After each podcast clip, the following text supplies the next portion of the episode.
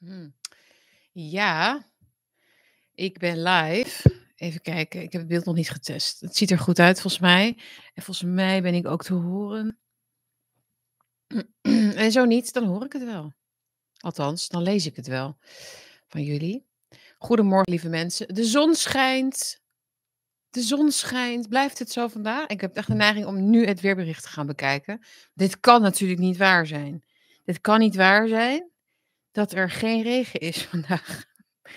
En gisteren hebben wij gelukkig uh, een uurtje of iets langer zelfs gewandeld en toen was het droog.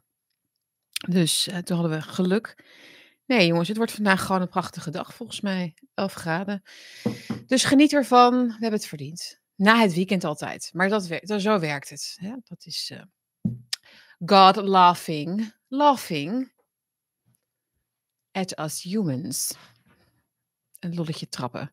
God heeft gevoel voor humor. Ja, is dat zo? Hmm. Jongens, neem wat koffie. Kom gezellig binnen op deze maandagochtend. Sorry dat ik iets later ben. Ik zat eigenlijk al klaar en toen, toen uh, besefte ik mij dat ik mij nog helemaal niet had opgemaakt en dat mijn haar nog niet was gedaan. Daar heb ik natuurlijk bijna geen tijd voor nodig, een minuutje of drie. Maar toch, maar toch was ik gewoon helemaal vergeten. ik had hem zo aangezet, zeg maar. Ik had me wel aangekleed, dat wel. Dat dan nog wel. Maar ik had nog niet uh, mezelf gefatsoeneerd. Dus vandaar. Zo gaat het. Um, jongens, wat gaan we vandaag doen? Uh, ik zie dat jullie allemaal lekker aan de koffie zitten. Dat is mooi. Zo zie ik het graag. Of pak wat anders te drinken. En als je in de auto zit of iets anders aan het doen bent, ga daar vooral mee door. Let vooral goed op de weg natuurlijk. En uh, we kletsen gezellig even met elkaar. De, we trappen de week af, hè? Iemand zegt, ik heb al drie bakjes op, stijf van de koffie. Ja, dit is mijn derde. Ik moet echt ook een beetje oppassen. Maar ik heb wel één grote, één harde regel, een harde zeg dat, grens. En dat is uh, na twaalf uur niet. Na twaalf uur gewoon niet meer. En dan uh, hou je het redelijk binnen de perken. Good morning. Ja, Patrick zie ik. Ook een bekende natuurlijk. Thea. GJ en Fred, jongens, hartstikke leuk. Uh, veel reacties gekregen op de vorige bakkie. Een bakkie met uh, Laurens Buis. Niet alleen maar positief, maar dat mag ook. Dat is prima. Um, ik, denk, ik denk ook dat we daarmee een win-win kunnen realiseren. Dat wij het verder, het, de kritiek op FVD, hè, wat dus niet per se uit mijn mond kwam, hè, als jullie goed hebben opgelet en geluisterd. Maar natuurlijk zijn er ook wel aanknopingspunten. Zijn er ook overeenstemmingen, zeg maar, uh, met mij en Lauwens. Overeenkomsten in onze gedachten. Uh, maar ehm, win-win in de zin dat we het gewoon lekker uh, na de verkiezingen erover gaan hebben. En dat we inderdaad niet onnodig allerlei, hopelijk waarschijnlijk valse vermoedens de wereld in slingeren, zoals het heet. Ik zeg het wel een beetje zo hoor, want ik bedoel, valse vermoedens. Dat weten we niet. Um, ik denk niet dat FVD controlled opposition is. En als je heel goed naar Laurens luisterde, want daar ging het dus over zijn uitlaat, was het bij hem ook volgens mij meer dat hij neigde naar het idee dat er te veel misgaat in de partij. Dan gaan we, ik stip het even kort aan hoor. Ik ga alsjeblieft remmen af als ik weer te ver ga. Uh, maar dat er toch uh, fouten worden gemaakt, dat er toch bepaalde dingen niet goed gaan in de partij, waardoor er. Uh, ja, waardoor ze eigenlijk ook die, die, die echte bedreiging voor de macht natuurlijk niet meer zijn, althans. Maar goed, we gaan het, we gaan het maandag zien. Um, ik wil nou ja, nog één dingetje wel daarover. Um, dat gaat niet per se over Laurens, het gaat ook over, over mij, maar ook over heel veel andere mensen. Is één punt van kritiek vaak is dat uh, dat er uh, wordt gezegd uh, van ja, Laurens heeft een platform gekregen bij FVD en dan moet je daar ook niet op die manier dan iemand een mes in de rug steken. Hè, dat is dan het idee. Ik vergeet trouwens helemaal de huishoudelijke dingen. Jongens, like, deel. Voordat we verder gaan, want jullie willen dit horen. Like, deel en abonneer je op het kanaal. En volgens mij zitten we nu op de 18.000. Kan iemand dat zien of niet? Kan iemand mij een duimpje omhoog geven als we 18.000 abonnees hebben? Dat zou natuurlijk hartstikke mooi zijn. Het is gewoon weer net even een mooi rond getal. En uh, dat is mooi om te zien. Uh, dus like die abonneer. Schrijf je in voor de nieuwsbrief hieronder. Staat er een linkje? Als er geen linkje staat aan de nieuwsbrief nu, zet ik hem er straks wel even in. En anders kun je ook via mijn website, linkje staat er ook, kun je ook daar komen en je inschrijven voor de nieuwsbrief. 17,9, net niet. Ah, jongens. En misschien, ja, ik weet niet. Het gaat vandaag wel lukken, toch? Ehm, en je kunt hieronder ook een donatie doen. En doe dat ook vooral als je iets kunt missen. Het hoeft dus niet. Maar als je iets kunt missen en je bent een vaste kijker en je wil meer bakjes zien en je wil dat ik door blijf gaan hiermee, steun mij dan met een klein bedrag of wat je kan missen. En dan, ehm, dan, ja, dan kan ik daar maar doorgaan. Ik heb al geen reclameinkomsten van YouTube natuurlijk. Dus je doet het eigenlijk voor, ja, voor, voor wat, wat wat jullie ervoor willen geven. Dus dat is even iets om te onthouden, denk ik. En ehm, voor jullie ook. Ehm, en ik vind het natuurlijk hartstikke leuk. Maar ik, ja, er zit wel veel werk in en, en zo. Dus ik vind het heel fijn als jullie mij ehm, met een financiële bijdrage willen steunen. Uh, je kunt natuurlijk ook post sturen naar postbus 189 1200 Anton Dirk in Hilversum. En ik ga vandaag weer even kijken of er post is. Maar er was volgens mij vorige week ik ging, volgens mij ben ik donderdag nog geweest of vrijdag, maar het was geen post. Nou, dat heb ik voor mezelf maar een hele mooie kaart gekocht. Nee hoor, als er iemand geen medelijden heeft met zichzelf, ben ik het wel. Ik krijg genoeg, genoeg leuke, lieve berichtjes van jullie hoor. Absoluut. Maar uh, mocht je dat willen doen, dan kan dat. En ik heb trouwens net heel, heel erg genoten van een gebakken eitje. En dat eitje is afkomstig van de kippen van de boerderij bij mij in de buurt, waar ik gisteren langs liep. Een hele aardige ehm, meisje, meid was het. Die, uh, die ging ze even voor mij rapen. En, ze, ze, vertelde me dat zij daar ook bakkie kijken. Dus dat vind ik natuurlijk een gigantisch compliment als, als boeren naar bakkie kijken. Dus dat wilde ik nog even noemen. En de eitjes waren dus heerlijk. Echt heerlijk. Oké, tot zover. We gaan dus over de, nog eventjes over buizen. Dan gaan we naar Elon Musk. En dan gaan we naar, nou ja, de, de week van de waarheid. Hoe had ik het genoemd ook weer? Ja, het uur van de waarheid. De week van de waarheid. Deze week gaan we stemmen. Laten we het eventjes eh, benoemen. Laten we even zeggen hoe toch best wel een intense week het is. Toch wel voor veel mensen, denk ik. Kijk, of je weet al wat je gaat stemmen. En, dan, of, en als dat niet zo is, ja, dan heb je toch nog best wel wat, wat soul searching te doen misschien. Dus gaan we het ook nog even over hebben. Um, maar dus even op het, uh, het, het, enige punt waar ik even op in wil gaan. Sorry als ik een beetje alle kanten op schiet. Waar ik op in wil gaan nu.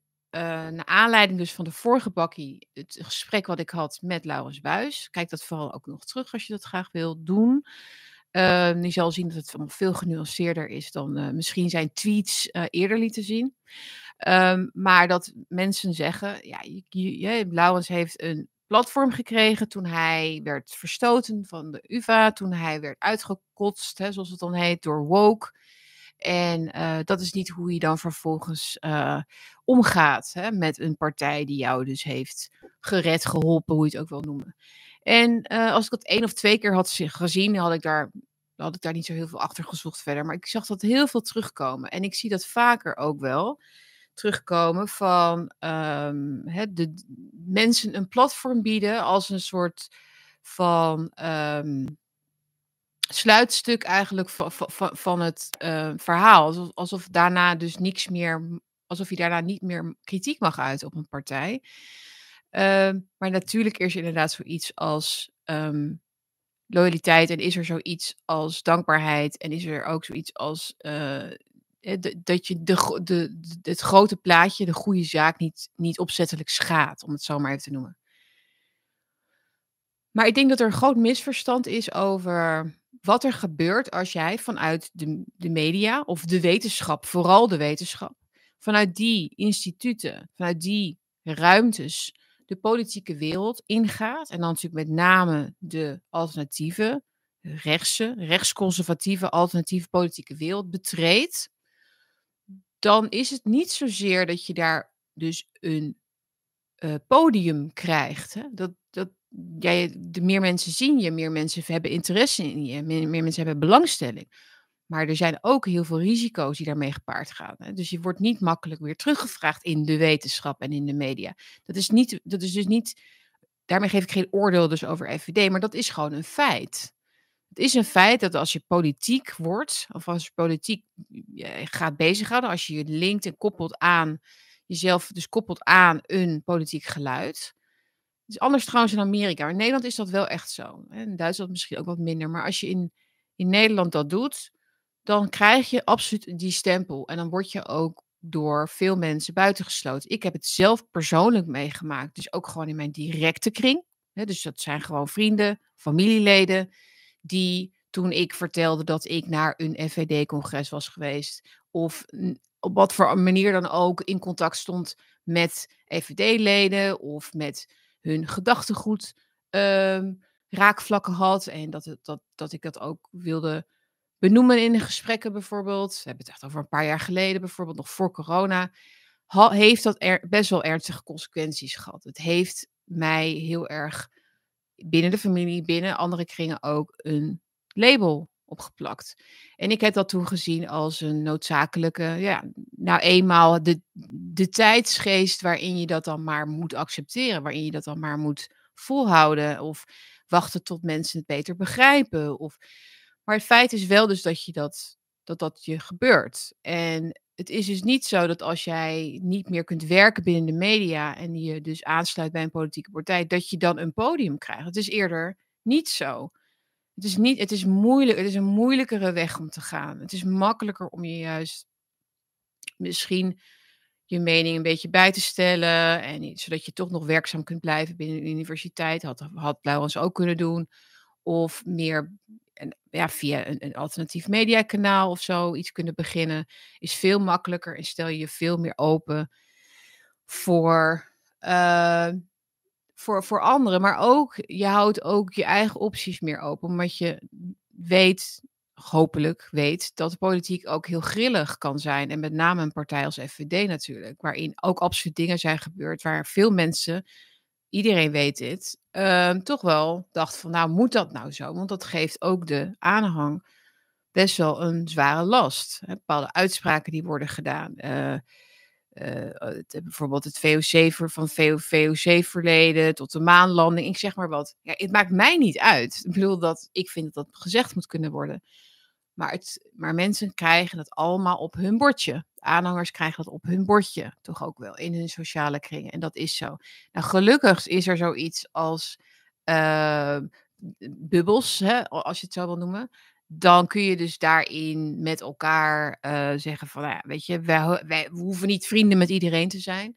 Dat is ook zo. Maar het is niet zo dus dat je een platform krijgt of iets dergelijks als jij zichtbaar bent in de, in de studio's of op plekken, andere plekken um, van FVD of andere partijen ook. Met name FVD natuurlijk. Hè. Dus als jij aansluit nou ja, in mij vind ik niet, als je aanzet bij D66, dan kom je bij mij ook niet meer binnen.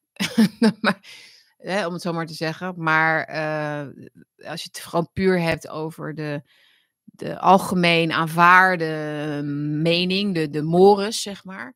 Die, uh, die, die, die, die hebben geen enkel probleem met, uh, met politieke, een politieke relatie. Als het, zolang het maar mainstream is natuurlijk. En trouwens, het is, eh, ik denk dat politieke partijen juist andersom afhankelijk zijn van de mensen die inderdaad die, die willen spreken op hun um, congressen, die willen spreken op hun bijeenkomsten, in hun zaaltjes. Dus dit is, ik denk dat de, dat de verhoudingen dus andersom liggen. Um, dat ik weet niet dat iedereen die spreekt en zijn nek uitsteekt en in het keldertje gaat staan bij Forum, um, dankbaar moet zijn of zoiets. Ik denk dat, uh, dat, dat de partij heel, heel zuinig moet zijn op die mensen. Laat ik het zo even noemen.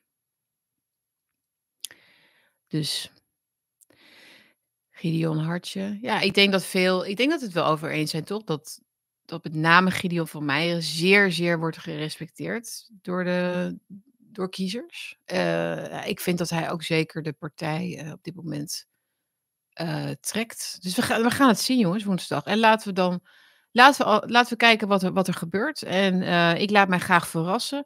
Ik zou niets liever willen dan dat, we, dat, dat Nederland zich strijdvaardig en verzetslustig toont. Maar ik weet het niet. Er is ook wel een hele hoop, eh, wordt er geschaakt op een hoger niveau, zullen we maar zeggen. Ehm, de PVV, die natuurlijk nu heel hoog in de peilingen staat. Eh, die, die situatie is, dankjewel, Wiert.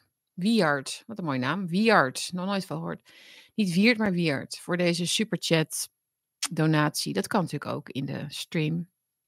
Dankjewel daarvoor. Je haar zit prima, zegt hij. Oké, dank je. Ehm, nou, ben ik helemaal met, nou ben ik helemaal met draad kwijt. Eh, nee, PVV is nu eh de koploper, de gamechanger, zoals het ook wel wordt genoemd, nu in de peilingen. Eh, absoluut. En toen ik dat bericht kreeg dit weekend, ik zat in de auto en toen las ik die peiling van Maurice de Hond.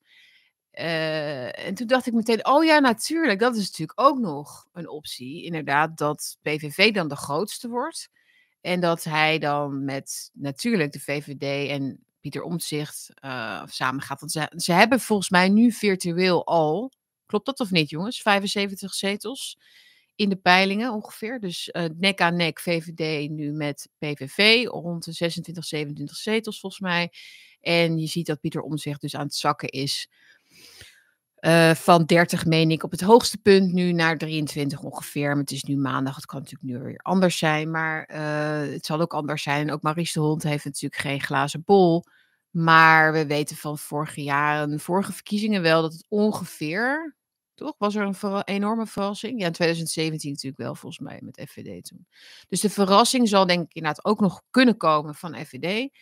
Die verrassing, want dat zijn misschien niet de mensen die zich makkelijk laten peilen of iets dergelijks, of niet bereikbaar zijn daarvoor. PVV'ers natuurlijk wel. Eh kijk, had ik erover opgeschreven nog? Niks, volgens mij. Had ik, ah, maakt niet uit. Ehm, maar ik dacht, eh, even heel algemeen, hè, maar kijk, ehm, we zeggen altijd, al, banken zijn too big to fail. Hebben we gezien natuurlijk in de, in de financiële crisis 2008. Maar ook eh, de macht op dit moment is too big to fail. Niet alleen too big, maar heeft te veel. ehm, heeft te veel op een bordje, heeft te veel belangen en te veel dingen gedaan.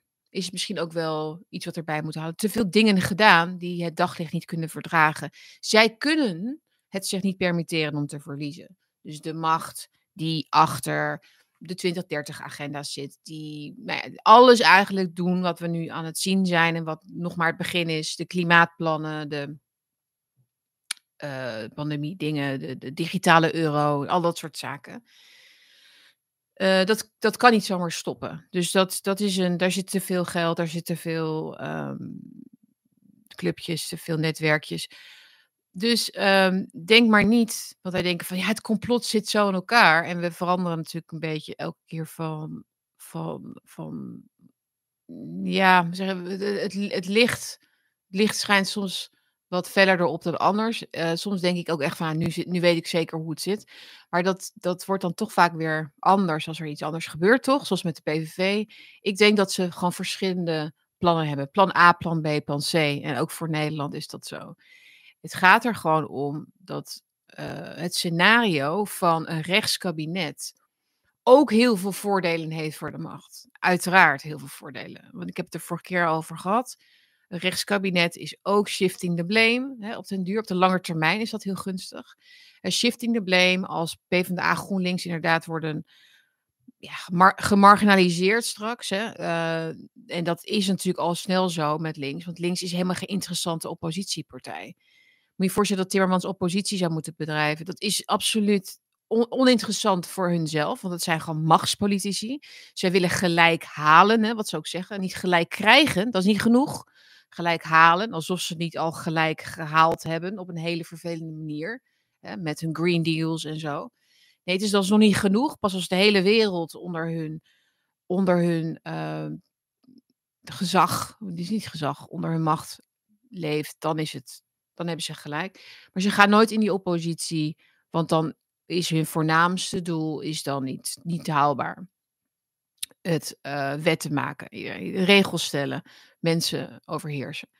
Dus, ehm, dus die zijn dan uitgespeeld. Maar dat heeft het voordeel dus dat, dat rechts een, ehm, een zwaardere last krijgt, eigenlijk. Dus ik heb het over PVV en Pieter Omzicht.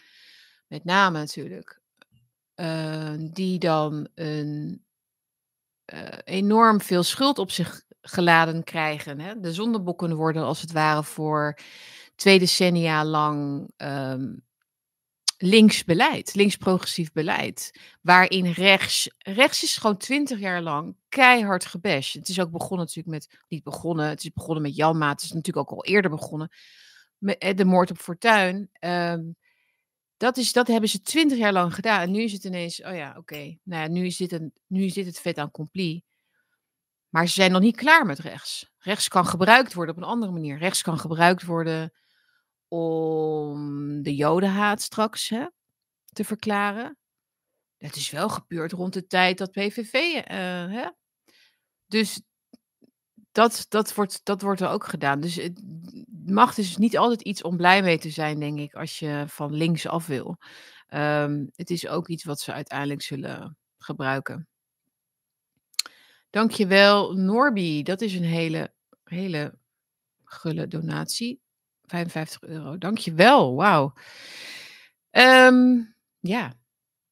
Dus dat is um, even iets om in de gaten te houden. Dus ik weet niet of er als jullie strategisch misschien gaan stemmen, zoals het heet, en wel graag willen dat PVV uh, gaat winnen. Er gaat natuurlijk ook wel een beetje een, um, het, ja, ik weet niet wat het is, maar een beetje een morele overwinningseffect van uit of zo. Dat je zegt, echt, echt een, ander, een andere partij in de regering heeft natuurlijk wel wat. Maar goed. Maar rechts en links, jongens. Het is zo zie je maar, het is eigenlijk allemaal inwisselbaar. Ik geloof niet. Um, ik, geloof, ik geloof in de mensen die op PVV stemmen. Ik geloof dat deze mensen echt wel verandering willen. En het spuug en spuugzat zijn wat er gebeurt in dit land. Um, maar ze zijn ook wel weer vergeten, denk ik, uh, hoe PVV zich heeft opgesteld in de coronatijd. En het is wel nog steeds een one-issue partij. Weliswaar een belangrijk issue. Immigratie heel belangrijk. Misschien wel het belangrijkste issue. Dus het zou natuurlijk prachtig zijn dat ze daar uh, dat ze echt, echt een stem krijgen. Maar ik geloof, ik geloof gewoon niet meer, wat ik net al zei, dat de koers die is uitgezet kan worden gestopt vanuit een echte formele regering. Zoals we die nu binnen ons democratisch bestel kennen. Want daar zit nog steeds de VVD en daar zit nog steeds het WEF met hun briefjes. Elke, volgens mij krijg je daar elke dag een brief van het WEF of zo, van Klaus Schwab. Toch? Die, ik, ik, weet niet of, uh, of Wilders uh, daar iets, iets uh, mee van plan is, maar ik zou daar, daar zou ik, als ik hem was, als eerste um, heel hard over nadenken. Er wordt opzettelijk verdeeldheid gezaaid. Ja, en dat is ook wel het bijkomend probleem wat we krijgen straks. Is al die artikelen met rechts Nederland en. Uh, ja, ik want zo wordt het geframed. Het is natuurlijk helemaal niet rechts. Wat is rechts überhaupt?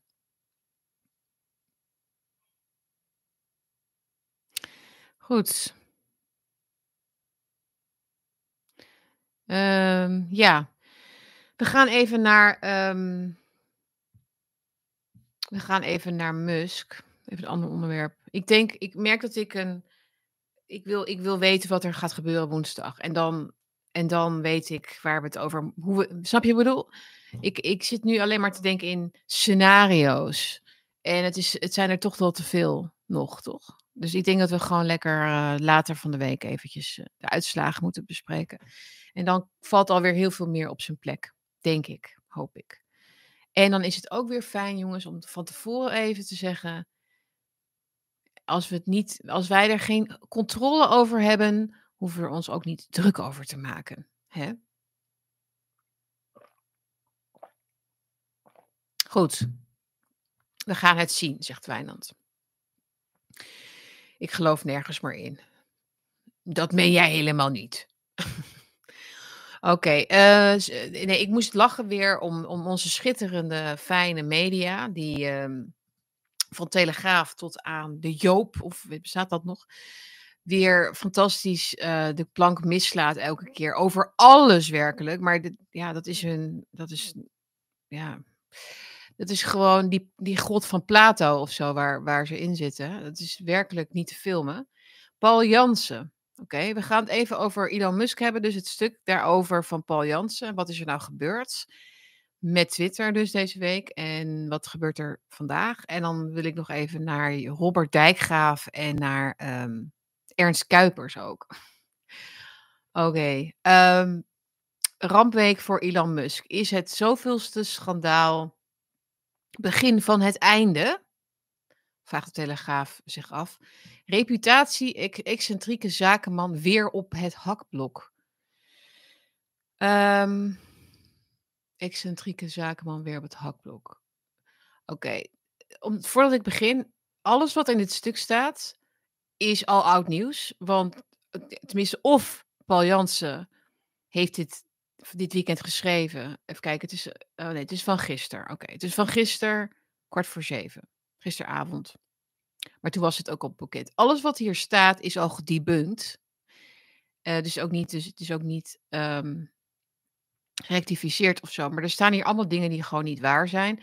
En die zo uh, vreemd zijn weer. Maar goed. Adverteerders die zijn sociale mediaplatform X de rug toekeren. Een ontplofte raket en een voogdijstrijd met zijn ex. Het was weer een zware week voor de rijkste man ter wereld, Elon Musk. Media speculeren of dit het begin van het einde is van de excentrieke ondernemer. Die is vaker ongrijpbaar gebleken. Dit is een genre, lieve mensen. Het genre, elk moment gaat Trump, elk moment gaat Poetin, elk moment gaat Musk, elk moment gaat die of die nu echt vallen. Dus ze gaan nu in een vrij, ze zijn in een vrije val terecht geraakt. Deze excentrieke, ongrijpbare idioten. Dat is een genre. Is dit nu het begin van het einde? Dit soort grote uitspraken waarin is dus, dus de, deze, deze mensen een soort enorme kwaliteit eigenlijk worden toegedicht. Hè, waarin ze zichzelf als een Icarus, bij wijze van spreken, uh, naar de zon vliegen en dan dus ter aarde storten. Dat zien ze dus wel in al die mensen blijkbaar. Uh, maar dit doen ze nooit, dat schreef ik ook op. Dat doen, dit doen ze dus nooit, dit soort koppen, bij uh, is een, een, rampweek voor, voor Mark Rutte. Is het zoveelste schandaal het begin van het einde? Hè, waarin, hij, waarin Mark Rutte dus het, waarin de schandalen worden gekoppeld aan een einde. Nou ja, wel een beetje, maar, maar niet, zo, niet zoals in dit stuk. Niet zoals in dit stuk. Dus elke keer uh, is het een zware week. Of is, is, het bijna, is, is, zijn mensen bijna ten einde? Of is het bijna afgelopen met die of die? Um, als het gaat dus juist om mensen die um, ongelooflijk um, weerbaar zijn.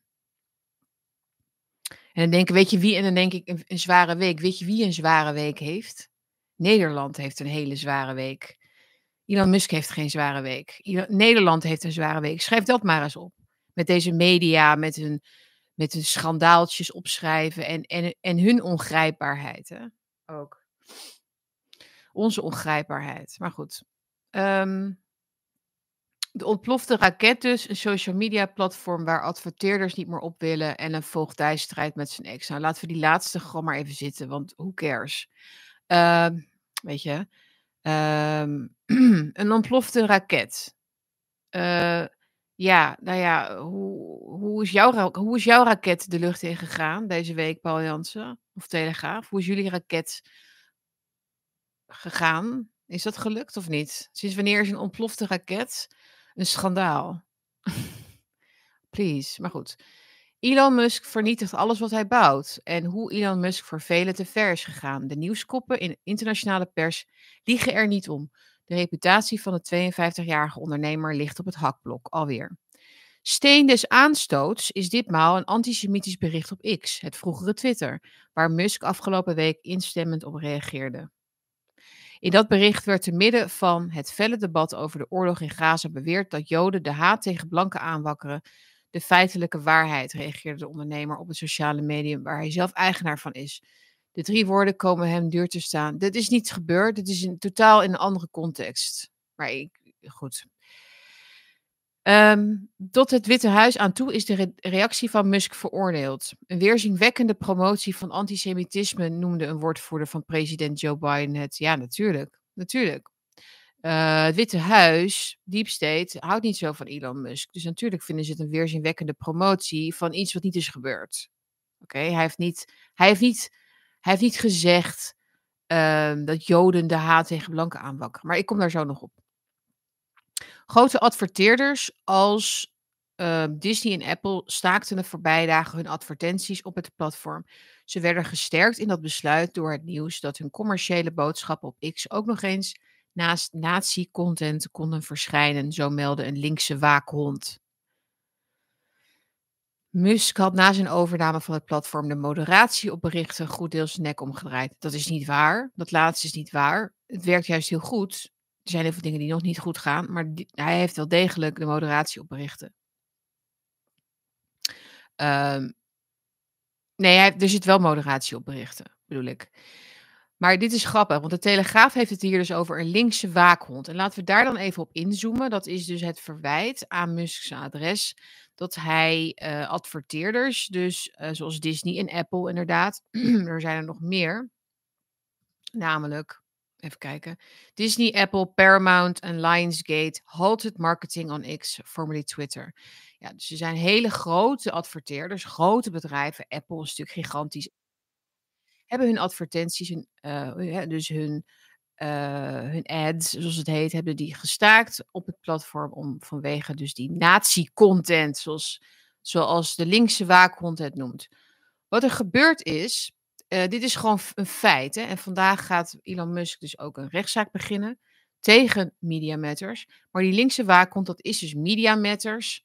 En dat bestaat al heel lang. Dat is, een, dat is, dat is niet een, een gerucht. Het wordt gesponsord door Souls met heel veel geld, al heel lang. En die hebben dus een, uh, moet ik even goed zeggen, die hebben een, uh, letterlijk een val uitgezet. Een val uitgezet, nou niet een val, maar ze hebben, een, ze hebben zelf dus een uh, account gemaakt waarop ze content hebben gezet.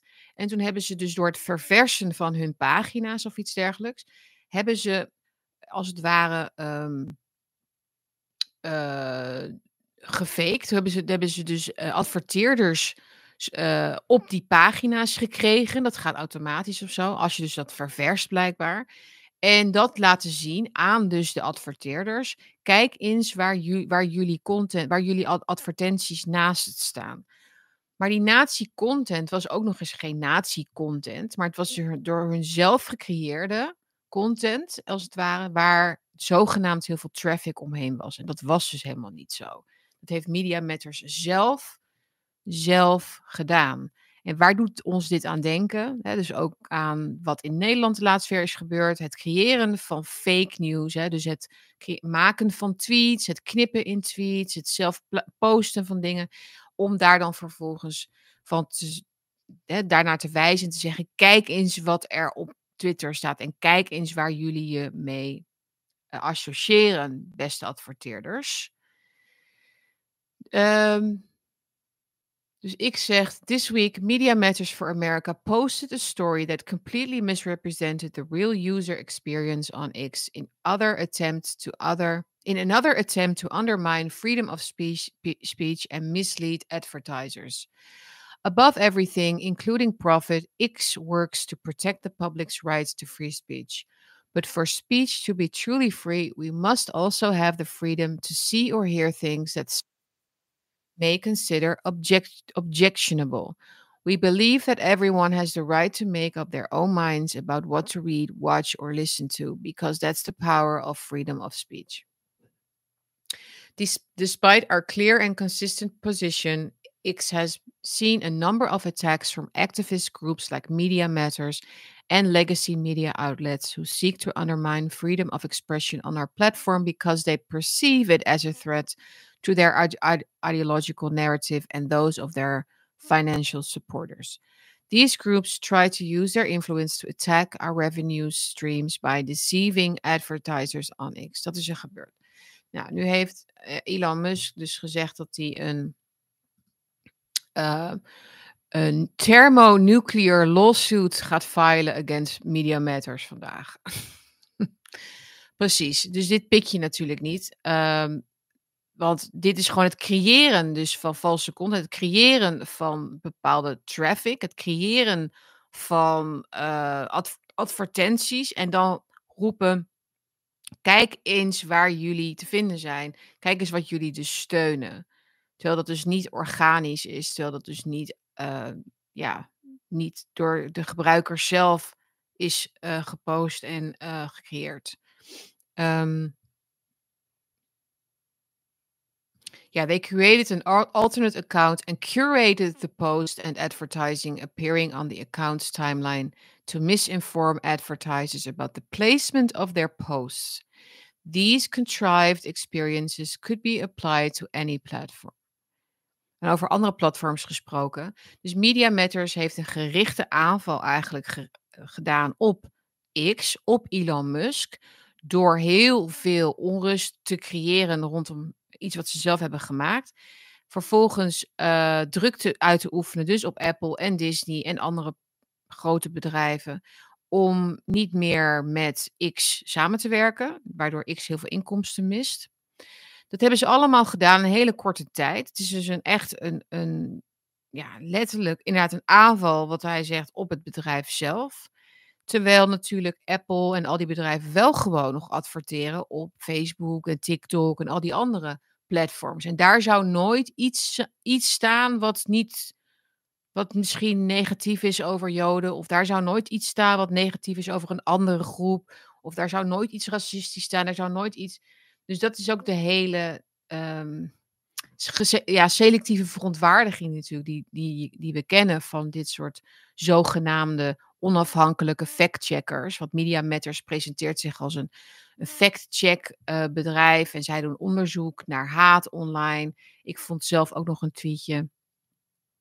Uh, ik vond een tweetje van mijzelf van uh, vijf jaar geleden, waarin ik do was gedoken in Media Matters.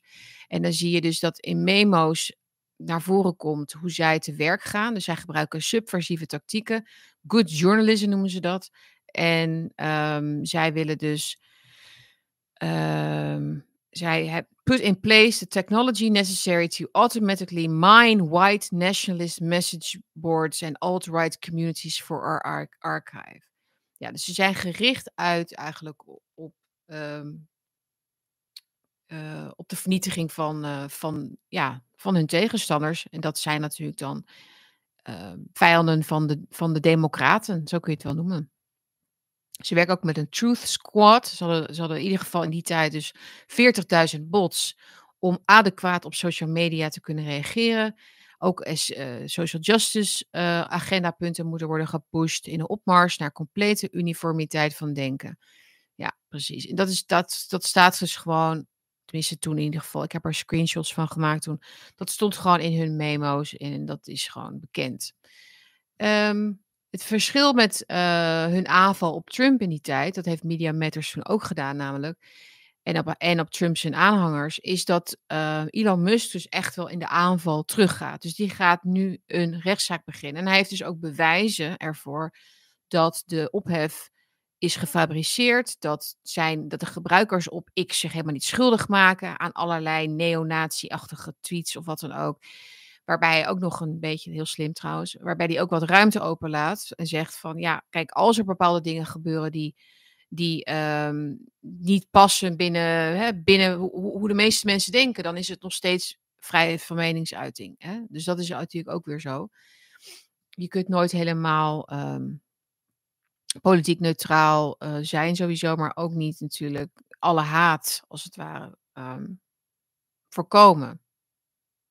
Terwijl ik dit zeg, denk ik echt, joh, de, de, uh, de containers en bakken met haat werkelijk, die er van die kant komt, is niet, niet te filmen werkelijk. Maar goed.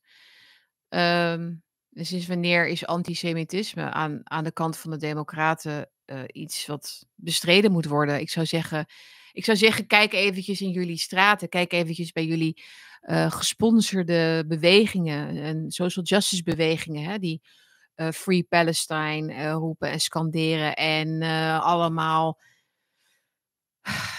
um, Joodse studenten belagen. Hè? Zullen we het daarover hebben anders? Maar zo erg is het dus gesteld hè, met, met, um, met deze mensen. Want ze moeten dus zelf dingen bedenken of fabriceren om, om dus de grote bedrijven um, weg te halen bij X. Goed.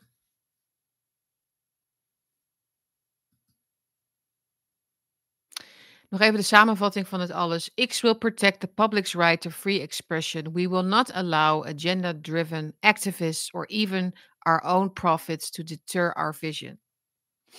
Everyone has a choice on X. User and brand control on X is superior to a year ago. Data wins over allegations. Media Matters does not reflect the user experience on X. Ja, precies. Nou, ik wens hem veel succes met die rechtszaak. Ik denk dat hij een goede kans maakt, toch wel. Net als dat je ziet nu dat die, al die rechtszaken die tegen Trump zijn aangespannen, hoe gaat het daarmee? Niet heel goed, hè? En hoe gaat het eigenlijk met het narratief rond de insurrection op uh, January 6? Ook niet zo goed. Gaat ook niet zo goed. Hè? Er zijn nu weer beelden van duidelijk eh, FBI, of wat is het, mensen die verkleed als MAGA elkaar high-fiven terwijl ze naar binnen lopen en zogenaamd in de handboeien zitten en los worden gemaakt. Ik weet het niet. Je moet het zelf maar even bekijken. Maar ik, ik, ik had die beelden niet nodig, overigens, om te weten dat dit één grote, één grote psyop was. En ook die rechtszaak tegen Trump daarover, waarin ze letterlijk zijn gedachten aan het lezen zijn over wat hij bedoelde die dag, toen hij zei dat, hij, dat de verkiezingen gestolen waren Um, hij heeft niet opgeroepen tot geweld, overigens. Maar dat proberen ze er wel van te maken. Oh ja, maar goed. Dus dat is, um, dat is niet, uh, niet vrij. Maar dat komt wel allemaal aan het licht. Elon Musk pikt het in ieder geval niet. En mensen krijgen het ook wel door dat deze gecorrumpeerde factcheckers niet authentiek zijn in ieder geval. Oké, nu. Wel nu. Wel nu, ik moet een slokje water hebben.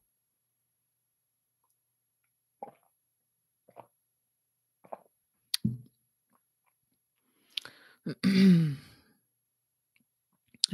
oorverdovende stilte, inderdaad. Dan is het niet goed gegaan in de rechtszaken. Dan gaat het niet goed met ze. Nee. Ze doen hetzelfde met Gideon. Exact. En ik denk dat Gideon de beste, nou ja, de beste persoon is de slechtste persoon is voor hun om uit te kiezen om aan te klagen. Zeg maar. Dat was echt heel stom. Als ik, als ik uh, de Nederlandse deep state was, zeg maar, en uh, Mark Rutte was, dan zou ik daar dus hoogstpersoonlijk een stokje voor steken van, nee, laten we dan gewoon iemand anders nemen. Iemand die niet een jurist is, iemand die niet heel goed doorziet wat er gebeurt. En nee, ze moesten dan per se achter hem aangaan en dat is gewoon heel stom. Want hij kan zich hier heel goed inhoudelijk, juridisch dus uh, uit argumenteren, denk ik. Uh, in ieder geval gaat, gaat Gideon het de rechters heel moeilijk maken. Uh, zeker omdat het, weet ik ook als jurist, omdat dit een geval is van interpretatie. Dit, zijn, dit gaat over woorden. Hè? Dit gaat niet over de gestolen fiets die jij letterlijk in jouw garage had staan, hè? Met, met doorgeknipte sloten dat, dan, heb je het niet, dan heb je geen discussie in de rechtszaal over of die fiets is gestolen en of het diefstal was. Maar als je het hebt over dus opruiing, dan kun je een ongelofelijke bak met jurisprudentie opentrekken. Of een hele la met allerlei um, argumenten die absoluut in dit geval ook uh, hout snijden, denk ik. Wat is opruiing en wat zijn intenties en wat is er precies gebeurd? En ook natuurlijk het verhaal over hoe ver Mag, mag, mag de rechterlijke macht gaan in het vervolgen van politici daarin? Dus ik denk dat dat een, uh, een stomme, stomme fout was om dat te doen. Maar dat is wel hoe zij dus bedraad zijn nu om in deze fase van een onmacht eigenlijk um, uh, verder moeten. Dus dat is onderdeel van het spel nu, is dat we eh, vervolgd moeten worden voor woorden. Maar dat gaat natuurlijk ook heel slecht afstralen. Op de huidige, op de nieuwe regering ook, denk ik, trouwens. ik ga nu niet over Gideon's zaak, maar ik ga er zeker nog, uh, nog wel over hebben zodra dat inhoudelijk wordt behandeld. Dus hij heeft wel een dagvaarding gehad, hè, inmiddels, toch? Dat heeft ook even geduurd. Daar hebben ze netjes op gewacht tot vlak voor de verkiezingen. Hè? Dat is toch leuk. Hè? Dat, dat geeft het net allemaal wat, wat meer, wat meer speelsheid, hè, zo'n verkiezingstijd. Hier heb je nog wat om, met, om op te kouwen. Oké. Ehm, ja. Juist hij moest uit het veld. Ja, ik denk dat het ook wel echt om Gideon te doen was, niet zozeer om FVD. Oké. Ehm, ik zag een clipje van uh, ons Robert Dijkgraaf. U weet wel, die minister van Onderwijs. En het, volgens mij gaat het niet goed met die man hoor. Want hij, uh, hield, anderhalf, hij hield een praatje van anderhalve minuut. En hij knipperde niet één keer met zijn ogen. Heb je dat gezien of niet? In een felle lamp. Kijk hoor. Ik schreef zo lamp op je hoofd en dan nog. En dan nog niet één keer knipperen met je ogen. This man is not well. En hij zegt hier: De afgelopen periode investeerde ik dankzij en namens D66 honderden miljoenen in de wetenschap.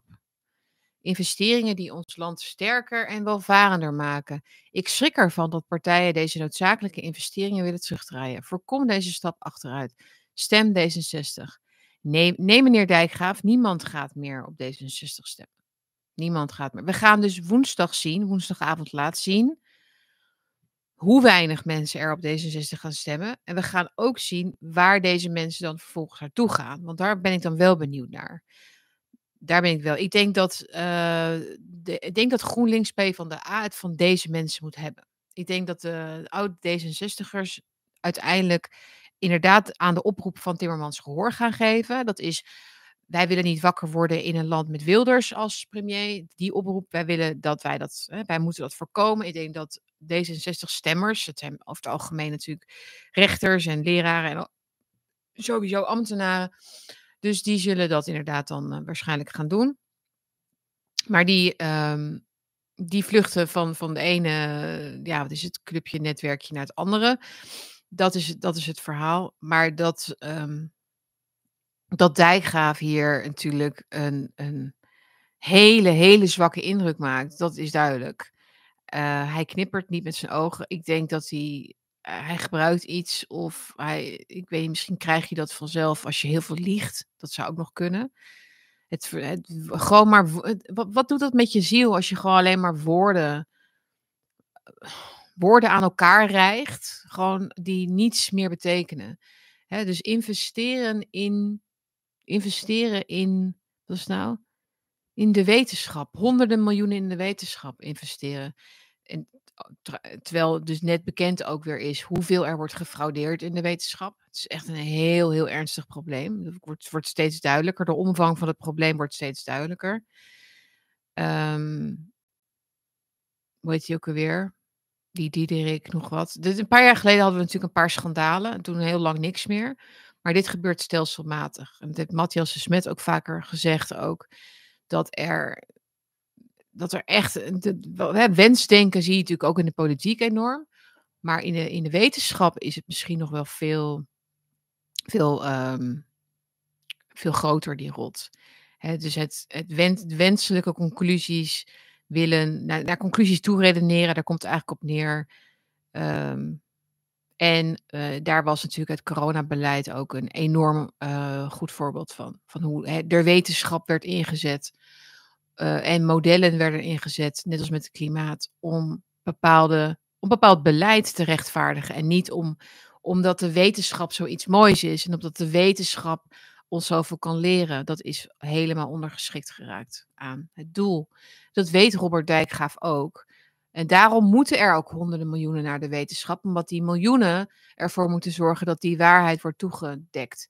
We moeten, wetenschappers moeten steeds meer betaald worden eh, om eigenlijk eh, hun, ofwel hun mond te houden, ofwel in de afweging die ze moeten maken tussen geld en hun ziel, ja, ehm, zeg maar. Dus dat ze de, de goede keuze nee, maken natuurlijk, dus voor het geld zodat de ziel hè, van de wetenschap verder kan worden uitgehold. Dat is wat ze doen. Daarom, daar zijn, daarom zijn er honderden miljoenen nodig, investeringen. En daarom schrikt hij ervan dat partijen die noodzakelijke investeringen willen terugdraaien. Hè, omdat het dus niets oplevert, de maatschappij niets oplevert. Met alle respect voor wetenschappers en die, die er ook zijn, hè, zeker in bepaalde, bepaalde fields, zeg je dat, bepaalde gebieden Waar, kijk, je moet de wetenschap waar, waarbij je dus onmiddellijk uh, wordt afgestraft als je een fout maakt, zeg maar, dat zijn natuurlijk de meest betrouwbare. Hè? Maar als je het hebt over de sociologie, de psychologie en in steeds uh, verdere mate denk ik ook de geneeskunde helaas. Maar zodra er abstractie bij komt en manipulatie mogelijk is, dan zal dat daar dus ook gebeuren. Maar je zal het in de scheikunde natuurlijk misschien minder zien. Of in de geologie of zoiets. Kijk, een, rots is een rots. Hè? Je kunt daar niet zoveel anders van maken. De klimaatwetenschap is, is natuurlijk ook vatbaar voor woorden, misbruik met woorden. Um, um, ja, dat hebben we ook gezien natuurlijk. Oké, dus dat, ik, ik, schrik er, ik, schrik, ik schrik dus van zijn, van wat ik daar zie bij deze man. Uh, dan nog Ernst Kuipers, een beetje hetzelfde lakend pak. Minister Kuipers is uh, van dezelfde familie, dezelfde familie, um, dezelfde uitstraling, dezelfde woordgebruik als Robert Dijkgraaf. Minister Kuipers zegt nu dus vanochtend accepteren dat niet alles meer kan in de zorg. Mensen, ga alsjeblieft hierop letten. Dit wordt steeds vaker gezegd, hè, dus door Kuipers, maar dus ook weer door wetenschappers. Hè, we hebben er een aantal gehad de laatste tijd, uh, internationaal ook, die uh, dus oproep doen eigenlijk om beter na te denken over of we mensen nog wel langer in leven moeten houden dan nodig en zo. Weet je, dat, dat, dat hele eugenics verhaal. Kuipers doet ook een duit in het zakje. Hij zegt, uh, de zorgkosten stijgen zo hard dat ze straks niet meer zijn op te brengen. Toch is geldgebrek het probleem niet, zegt de demissionair minister Ernst Kuipers. Er zijn gewoon niet genoeg mensen om die stijgende uitgaven te kunnen doen. Ja, precies. En zullen we dat toepassen dan op de, hele rest van de samenleving? Laten we er gewoon eens even nadenken. Oké, dus uh, bijvoorbeeld, um, er zijn geen mensen meer om wegen aan te leggen. Ja, dan moeten we dus gewoon nadenken, accepteren dat, niet, dat we niet meer kunnen autorijden. Dat we niet altijd meer kunnen autorijden. Hè? Of hetzelfde geldt natuurlijk voor er zijn geen piloten meer, we kunnen niet meer vliegen. Um, we, we, hebben geen uh, bakkers meer. Ja, dan moeten we maar gewoon gras eten, toch? Ja, dat is precies hoe je denkt in een welvarende staat. Want hij zegt ook volgens volgens Kuipers moeten Nederlanders accepteren dat in de zorg niet alles meer kan en dat niet alle zorg om de hoek beschikbaar is. alsof, dat, alsof mensen dat denken, dat het om de hoek beschikbaar is. dat hele uh, setting the table, zoals het dan heet. Als wij, dus eerst wordt een soort een tafel gedekt met allemaal aannames die wij dan hebben over de zorg. Dat wij alles gewoon maar kunnen krijgen. We kunnen alles maar gewoon krijgen de hele tijd. Want hij zegt ook in Amerika, dan, daar, daar kan dat allemaal niet. Daar moet je sparen om voor je ouders te zorgen en zo, dat, dat soort dingen. En hij zegt, je moet soms nee zeggen als je de kosten wilt beteugelen. Je moet accepteren dat niet alles meer kan. Maar hij zegt, het is dus eigenlijk een personeelsprobleem. Het is een, dus waarom zou je niet het geld uh, dus investeren in meer personeel? Hij zegt, één op de zes mensen in Nederland werkt in de zorg. Dat wist ik trouwens niet, dat is echt heel veel. Um, fantastisch, fantastische mensen. Dat, dat, die, dus één op de zes mensen in Nederland wil dat werk doen. Dus dan kunnen we daar ook volgens mij misschien wel één op de vijf van maken. Er zijn heel veel jongeren die misschien die weg op willen. Of ik weet niet hoor. Maar gewoon iets meer betalen misschien. Dat zou ook wel helpen. Dus het is gewoon een Uh, het is gewoon een personeelsprobleem. Dat is wat hij zegt. Maar dus, dus de oplossing is zou duidelijk kunnen zijn, maar hij maakt er dus een, een, soort, een soort filosofische vraag van eigenlijk. Dat is grappig. Doen ze met alles. Dus er is een praktisch probleem wat makkelijk opgelost kan worden. Hetzelfde geldt voor dat hele, de hele dus als we het hebben over uh, te droog of te nat of overstromingen, dan kun je ook gewoon iets aan de dijken doen. Opgelost. Opgelost. Serieus. Ik bedoel, ja, niet makkelijk, maar dat is wel hoe je het kunt oplossen, toch? Gaan we, wat gaan we doen dan? Gaan we, gaan al het water in de wereld tegenhouden? Al, altijd of zo. Door niet meer vlees te eten. Maar dat is wel, hun mindset is wel zo. Dat ze, dat ze dus uh, oplosbare problemen presenteren aan mensen, aan kiezers. Dus ook, ook in verkiezingstijd, dat maakt ze dus niet meer uit. Dus ze, ze presenteren oplosbare problemen. Om daar vervolgens een, een totale megalomaan, transhumanistische weg met ons filosofie op los te laten. Dat is wat ik overal nu zie. Uh, waarin wij dingen moeten accepteren over de wereld. We moeten accepteren dat we. Ja, we moeten accepteren dat we niet meer zo goed kunnen hebben als vroeger. We moeten accepteren dat we misschien niet meer de zorg kunnen krijgen die we nodig hebben. Kijk, want eh, als hij het zou hebben over er wordt zorg verleend die mensen niet nodig hebben, dan heb je een serieuze, serieus argument. Dan heb je een serieus, een politiek argument van er gaat iets mis in de zorg. Er worden mensen overbehandeld voor, voor kwalen waar andere goedkopere behandelingen of remedies of wat dan ook, of gezonder eten, of, dan, heb je een, dan heb je mij. Dan ben ik geïnteresseerd in wat er daarna komt. En dan ben ik geïnteresseerd in wat andere partijen dan vinden en dan ben ik geïnteresseerd in de oplossing. Maar daar, dat is nooit meer aan de hand. Het is altijd, alle mensen moeten eigenlijk gewoon eerder dood. Dat is eigenlijk dus, dus, dus hoe, hoe, zij, hoe zij nu denken over alles. Er is een probleem. Het probleem is in hun ogen gewoon, gewoon mensen. Mensen zijn het probleem. Mensen dat wij bestaan zijn het probleem, dat wij ouder worden is het probleem. En zij gedragen zich niet meer als een overheid. Een overheid moet, vast, moet oplossingen faciliteren voor problemen op het gebied van verdeling van geld, met name. Het gaat natuurlijk om verdeling van geld. En ik vind zorg heel belangrijk. Um, en zorg is belangrijk, onderwijs bijvoorbeeld. Dus dat zijn natuurlijk dingen, defensie ook, waar je geld aan geeft, om, om obvious reasons.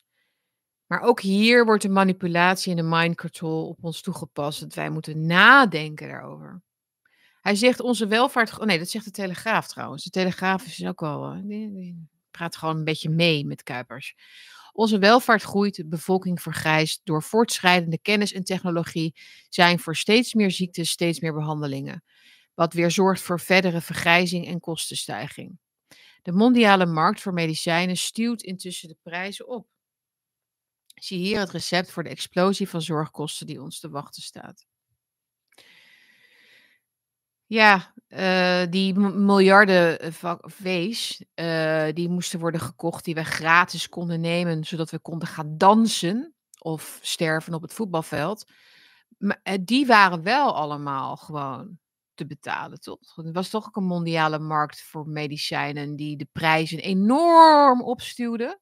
Weten we dat nog? Waar kan dat ook alweer? Hoe, hoe komt het eigenlijk dat die mensen van Pfizer zo, zo stinkend, stinkend rijk zijn op dit moment? Dat omdat we zo, uh, omdat wij allemaal hebben geaccepteerd dat niet alles meer kan? Nee, natuurlijk niet.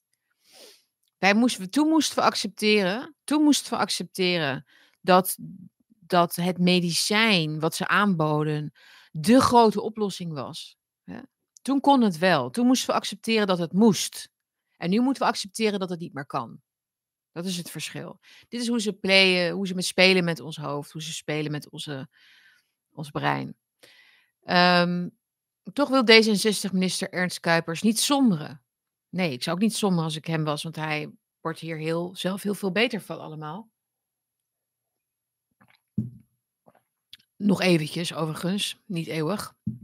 Kijk eens naar de beschikbaarheid van zorg in Nederland. Als ons iets overkomt, weten we dat er zorg is. Van extreem dure medicatie tot een transplantatie. Het is er. Nou, uh, dat is niet zo, volgens mij. Um, er wordt heel veel bezuinigd. Volgens mij komen er bepaalde gebieden niet meer binnen 10 minuten ambulances. Je, er staat, je hebt in Nederland volgens mij behalve wachtlijsten ook zoiets als ehm, budgetten die dan overschreden worden. Dus dan kun je ergens niet behandeld worden omdat de verzekeringsmaatschappij over hun budget is of zo. Dus dan kun je niet eens meer een, nou ja, een echt noodzakelijke ingreep. Ja, niet echt noodzakelijk. Dus galstenen bijvoorbeeld of blinde darm of zo.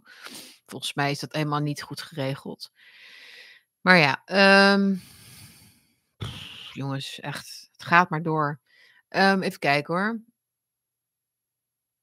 Mm. De zorgvraag stijgt sneller dan het aantal zorgverleners. Dit is nog steeds Ernst Kuipers dus. We kunnen ons wel blind staren op de kosten, maar er zijn gewoon niet genoeg mensen om überhaupt die zorg te leveren en daarmee die stijgende uitgaven te kunnen doen. Goh, wat zou, wat zou je nou kunnen doen hè? Als je nou, als je dus niet genoeg mensen hebt. Maar je hebt wel de, ze hebben dus wel, um, uh, even kijken, wat was het ook weer? Ze hebben wel de technologie en de kennis hebben ze hier, staat er. Uh, ze hebben meer behandelingen voor meer, steeds meer ziektes. Maar wat zou je nou kunnen doen, hè? Als je dan te weinig personeel hebt? Geen idee. Echt geen idee. Personeel is de grootste beperkende factor. Laten we ervan uitgaan dat er met heel veel inspanningen ook straks één op de zes mensen met een baan in de zorg werken. Terwijl we ook mensen nodig hebben voor het onderwijs, defensie, de energietransitie. Nou, ik zou, zou zeggen, als je alle mensen die nu werken in de energietransitie, die al dat geld krijgen via al die subsidies om beleid uit te voeren waar echt helemaal niemand beter van wordt, alleen maar meer geld door krijgt, dat, dat is een feit. Als je die mensen, ook vooral die jonge mensen, nou zou vertellen dat er ook een manier is om te leven zonder dat je je ziel hoeft te verkopen aan onzin uh, en iets echt te doen voor de medemens, ik denk zeker de helft van die jongeren dat wel zou willen. Maar dat, maar dat krijgen ze natuurlijk helemaal niet mee, die boodschap. Zeker niet van Ernst Kuipers. De zorg heeft nu al het allergrootste deel van de taart. Moeten we dat nog groter maken? Dus eh, volgens mij, Ernst Kuipers zou het liefst zien dat de energietransitie het grootste deel van de taart krijgt. Want dan heb je twee vliegen in één klap. Want de energietransitie, zoals um, het inmiddels demissionaire kabinet dat voorstaat, gaat natuurlijk over minder mensen. Het gaat over minder CO2-uitstoot. Dat gaat over minder plek innemen. Dat gaat over minder, minder kinderen, minder vlees eten. Ongezonder leven, in feite ongezonder leven. In de buurt van windmolens en dat soort zaken. Uh, ja, dat is volgens mij waar het op neerkomt. Dus dat zou, dat zou natuurlijk twee vliegen in één klap zijn. En dan geef je ook veel nog aan onderwijs. En defensie hebben we niet meer nodig natuurlijk, want Oekraïne komt straks bij de EU en die hebben al ons geld. En dan gaat Oekraïne ons beschermen of zoiets. Ik weet het niet. Maar dat is volgens mij waar ze naartoe willen. Ja, door zorg te centraliseren en te spreiden. Dit is, jongen, dit is een hele belangrijk iets wat hij nu zegt. Ze willen zorg gaan centraliseren. Dus op één plek, een ze willen naar megaziekenhuizen. En wat is het voordeel, denken jullie, van megaziekenhuizen? Los van kostenbesparing misschien inderdaad. Wat zou het voordeel daarvan kunnen zijn? Wat is het voordeel van heel veel artsen samen in één gebouw zetten? Onder één naam. Uh, ze hebben allemaal op hun loonstrookje hetzelfde ziekenhuis staan. Die wordt geleid door één raad van bestuur en één raad van commissarissen en één tuchtafdelingje, hoe noem je dat? Controle. dus je hebt controle op de, de wetenschap die daar wordt bedreven. Je hebt controle op het beleid. Dat is hoe het werkt. Dat is het voordeel. Centraliseren. Want verder heeft het geen voordelen, namelijk. Maar dat mensen dan twee uur moeten rijden voor een operatie, dat is dan, wordt dan de toekomst. Oké.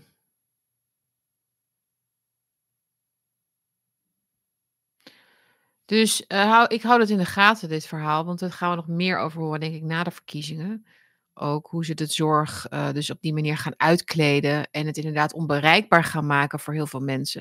En het enige de enige manier waarop wij onze eigen daar weer ja, controle over kunnen krijgen, is denk ik door uh, gezondheid een enorme prioriteit te maken voor onszelf. Um, ik bedoel, je hebt natuurlijk, je kunt, je kunt iets heel ergs krijgen, uh, waar, ongeacht hoe je leeft, dat weet ik ook wel. Maar ik denk dat we zelf heel goed um, moeten proberen te voorkomen dat we in het ziekenhuis terechtkomen. Dat zou ik dan willen zeggen. Maar ze willen alles mega maken op alle fronten, zodat je het ene nummer bent en ze totale controle en macht kunnen uitoefenen. Absoluut, ja. Dus ook niet, ik had het over de artsen, maar ook de patiënten natuurlijk, die dan binnenkomen bij dat ziekenhuis en die moeten hun paspoort laten zien. Of die in die tijd van corona natuurlijk ook een, een QR en dat soort dingen. Ja. En dan heb je, dan mag je pas um, ja, je mag het ziekenhuis dan pas in als je mentaal gebroken en ziek bent eigenlijk van het systeem. Dan word je in feite dan word je welkom geheet. Zeg ik even in het worst case scenario. Ja. Even kijken. We hebben de volgende oplossing bedacht. We willen af van een groot deel van de bevolking nu nog een paar problemen bedenken om daar te komen. Ja, Nee, maar dus wat ik probeer duidelijk te maken hier is hoe zwak ze hun verhaal presenteren eigenlijk. Als ik nou een manipulatieve, zieke, gestoorde machtspoliticus was, of gewoon beroepspoliticus mag je van mij ook zeggen, en ik moest aan mensen gaan verkopen dat zorg niet meer toegankelijk is, dan zou ik niet beginnen over welvaart. Dan zou ik niet beginnen over dat de technische kennis en, het, en de techniek uh, zo vooruitstrevend zijn, um, dan zou ik niet beginnen over uh, hoe belangrijk het is dat we allemaal gezond moeten zijn de hele tijd. Dat we, dat we naar de overheid moeten luisteren als we ziek worden. Snap je? Dan, dan, zou ik, dan zou ik het kleiner maken. Dan zou ik zeggen van, uh, ach, leef vooral zelf en hè?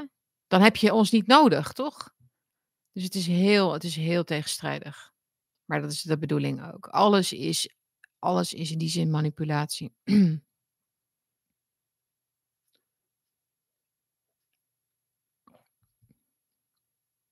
Goed. Um, ja, jongens. Dat was het volgens mij wat ik had.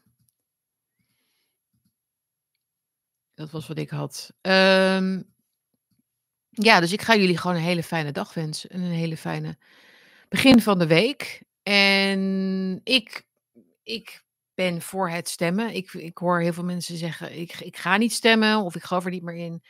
Um, ja, ik, vind, ik, ik, ik ga zelf wel stemmen. Maar ik, uh, ik hoop jullie dus ook. Ik denk dat het sowieso geen optie is om, uh, om thuis te blijven. Maar goed, ik, ik vind dat er verschil van mening over mag zijn. Ik vind dat wij veel meer over allerlei dingen verschil van mening zouden moeten gaan hebben. Want het gaat niet super goed met het verzet, mag ik dat even zeggen. Het gaat gewoon niet super goed. Uh, en ik zie wel steeds meer, ik weet niet, misschien is het omdat ik ouder word, maar ik zie wel gewoon steeds meer goede mensen. Gewoon echt goede mensen die PVV stemmen, maar ook BBB en op Pieter Omtzigt. En ik, ik ben echt niet meer zo van, er is maar één, hè, er is maar één club die het echt waar we het van moeten verwachten. Dat denk ik gewoon niet. Ik denk dat er onder die hele groep van PVV tot BBB allemaal mensen zijn die het zat zijn. Alleen er zijn verschillende stadia van wakker zijn. Er zijn verschillende stadia van moed misschien, van lef, van, van, eh, van echt het realiseren van, een, ja, van het verschil. Ik denk dat daar nog, uh, nog veel te winnen valt, eerlijk gezegd. Maar ik denk dat, dat, ook maar dat we dat ook moeten gaan doen dus door opnieuw te evalueren van hoe gaat het nou eigenlijk. Dus, dus er, is, er is gewoon te veel versnippering. En er is te veel verdeeldheid ook onder de wappies, zeg ik dan maar even. Wappies, jongens, we moeten echt. Dat, dat, dat, die term is gewoon echt zo. heeft zoveel schade aangericht. maar ja, dat, dat was niet aan onszelf, denk ik. Um, dus um, ik denk dat we die, uh, die open mind moeten houden voor al die andere partijen. Niet voor de partij zelf. Daar ben ik absoluut mee klaar mee. Als ik naar BBB kijken of Pieter Omtzigt. Wat heeft Piet... Nee, ik ga even één dingetje. Nee, Pieter Omtzigt, wat heeft die... Ja, het, is, bijna alsof hij het opzettelijk heeft gedaan. Wat heeft die ongelofelijke kans laten liggen? Nou, we hebben nog twee dagen. We hebben nog twee dagen. Het wonder van Pieter moet nog komen. Maar wat heeft hij stomme fouten gemaakt? Door zich zo klein te maken, door dat Oh, god. Nou ja, nou ja, gewoon door te zijn wie die is misschien. Ik weet het ook niet. En hij heeft gewoon niet een overtuigend programma. Dat is ook zo. Iemand, eh, dus, eh, iemand zegt hier PVV, VVD, NSC, BBB samen sterk voor 82 zetels. Ja, 82 zetels. Kijk, wat 82 zetels in ieder geval is, dankjewel voor dat punt even, want als je het zo ziet staan, dan voel je hem.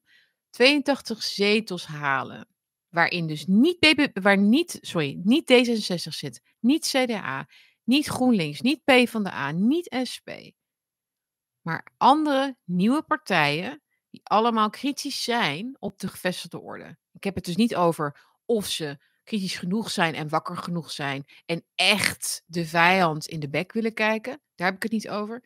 Maar die allemaal staan achter mensen of voor mensen die niet meer het oude systeem willen. Die afscheid willen nemen van het Rutte-tijdperk. Dat is wel wat ik denk. Kijk, er zijn natuurlijk wel mensen die VVD stemmen nog. Ander verhaal. Andere stoornis, ander verhaal. Maar echt, die andere partijen hebben wel iets laten. Die kunnen wel iets laten zien, denk ik. In, dat, in die zin. En dat kan wel maatschappelijk gezien, dus hè, van onderop, kan dat wel iets teweeg brengen. Het, is, het levert wel een ander, een ander borrelpraatje op, op tijdens de verjaardagen, verjaardagen, toch? Dat, eh, ik denk dat links-Nederland uh, daar wel een beetje door veranderen zal. Hè? Denken we niet? Of ik weet niet, veranderen in ieder geval minder hoog van de toren zal blazen. Dat zou wel kunnen, toch? Maar goed, we, gaan nu al verder. Laten we, laten we heerlijk verder praten over de politiek, over de uitslagen uh, na woensdag. Ik ben er waarschijnlijk dus donderdag weer. Uh, weet nooit 100% zeker. Maar uh, ik hou altijd maandag en dinsdag zoveel mogelijk aan. Um, dus donderdag dus waarschijnlijk. En ja, ik wens iedereen een hele fijne week. Een hele fijne democratische week. Laten we hopen dat, er, dat we echt dat we verrast raken. Hè? Dat zou mooi zijn. Jongens, bedankt voor het kijken, bedankt voor het liken, bedankt voor het delen natuurlijk. En schrijf je in via nieuwsbrief via mijn website hieronder. En doe een donatie als je dat kunt missen. Hoeft niet, maar het wordt wel erg gewaardeerd. En uh, tot snel. Ciao. Doei doei.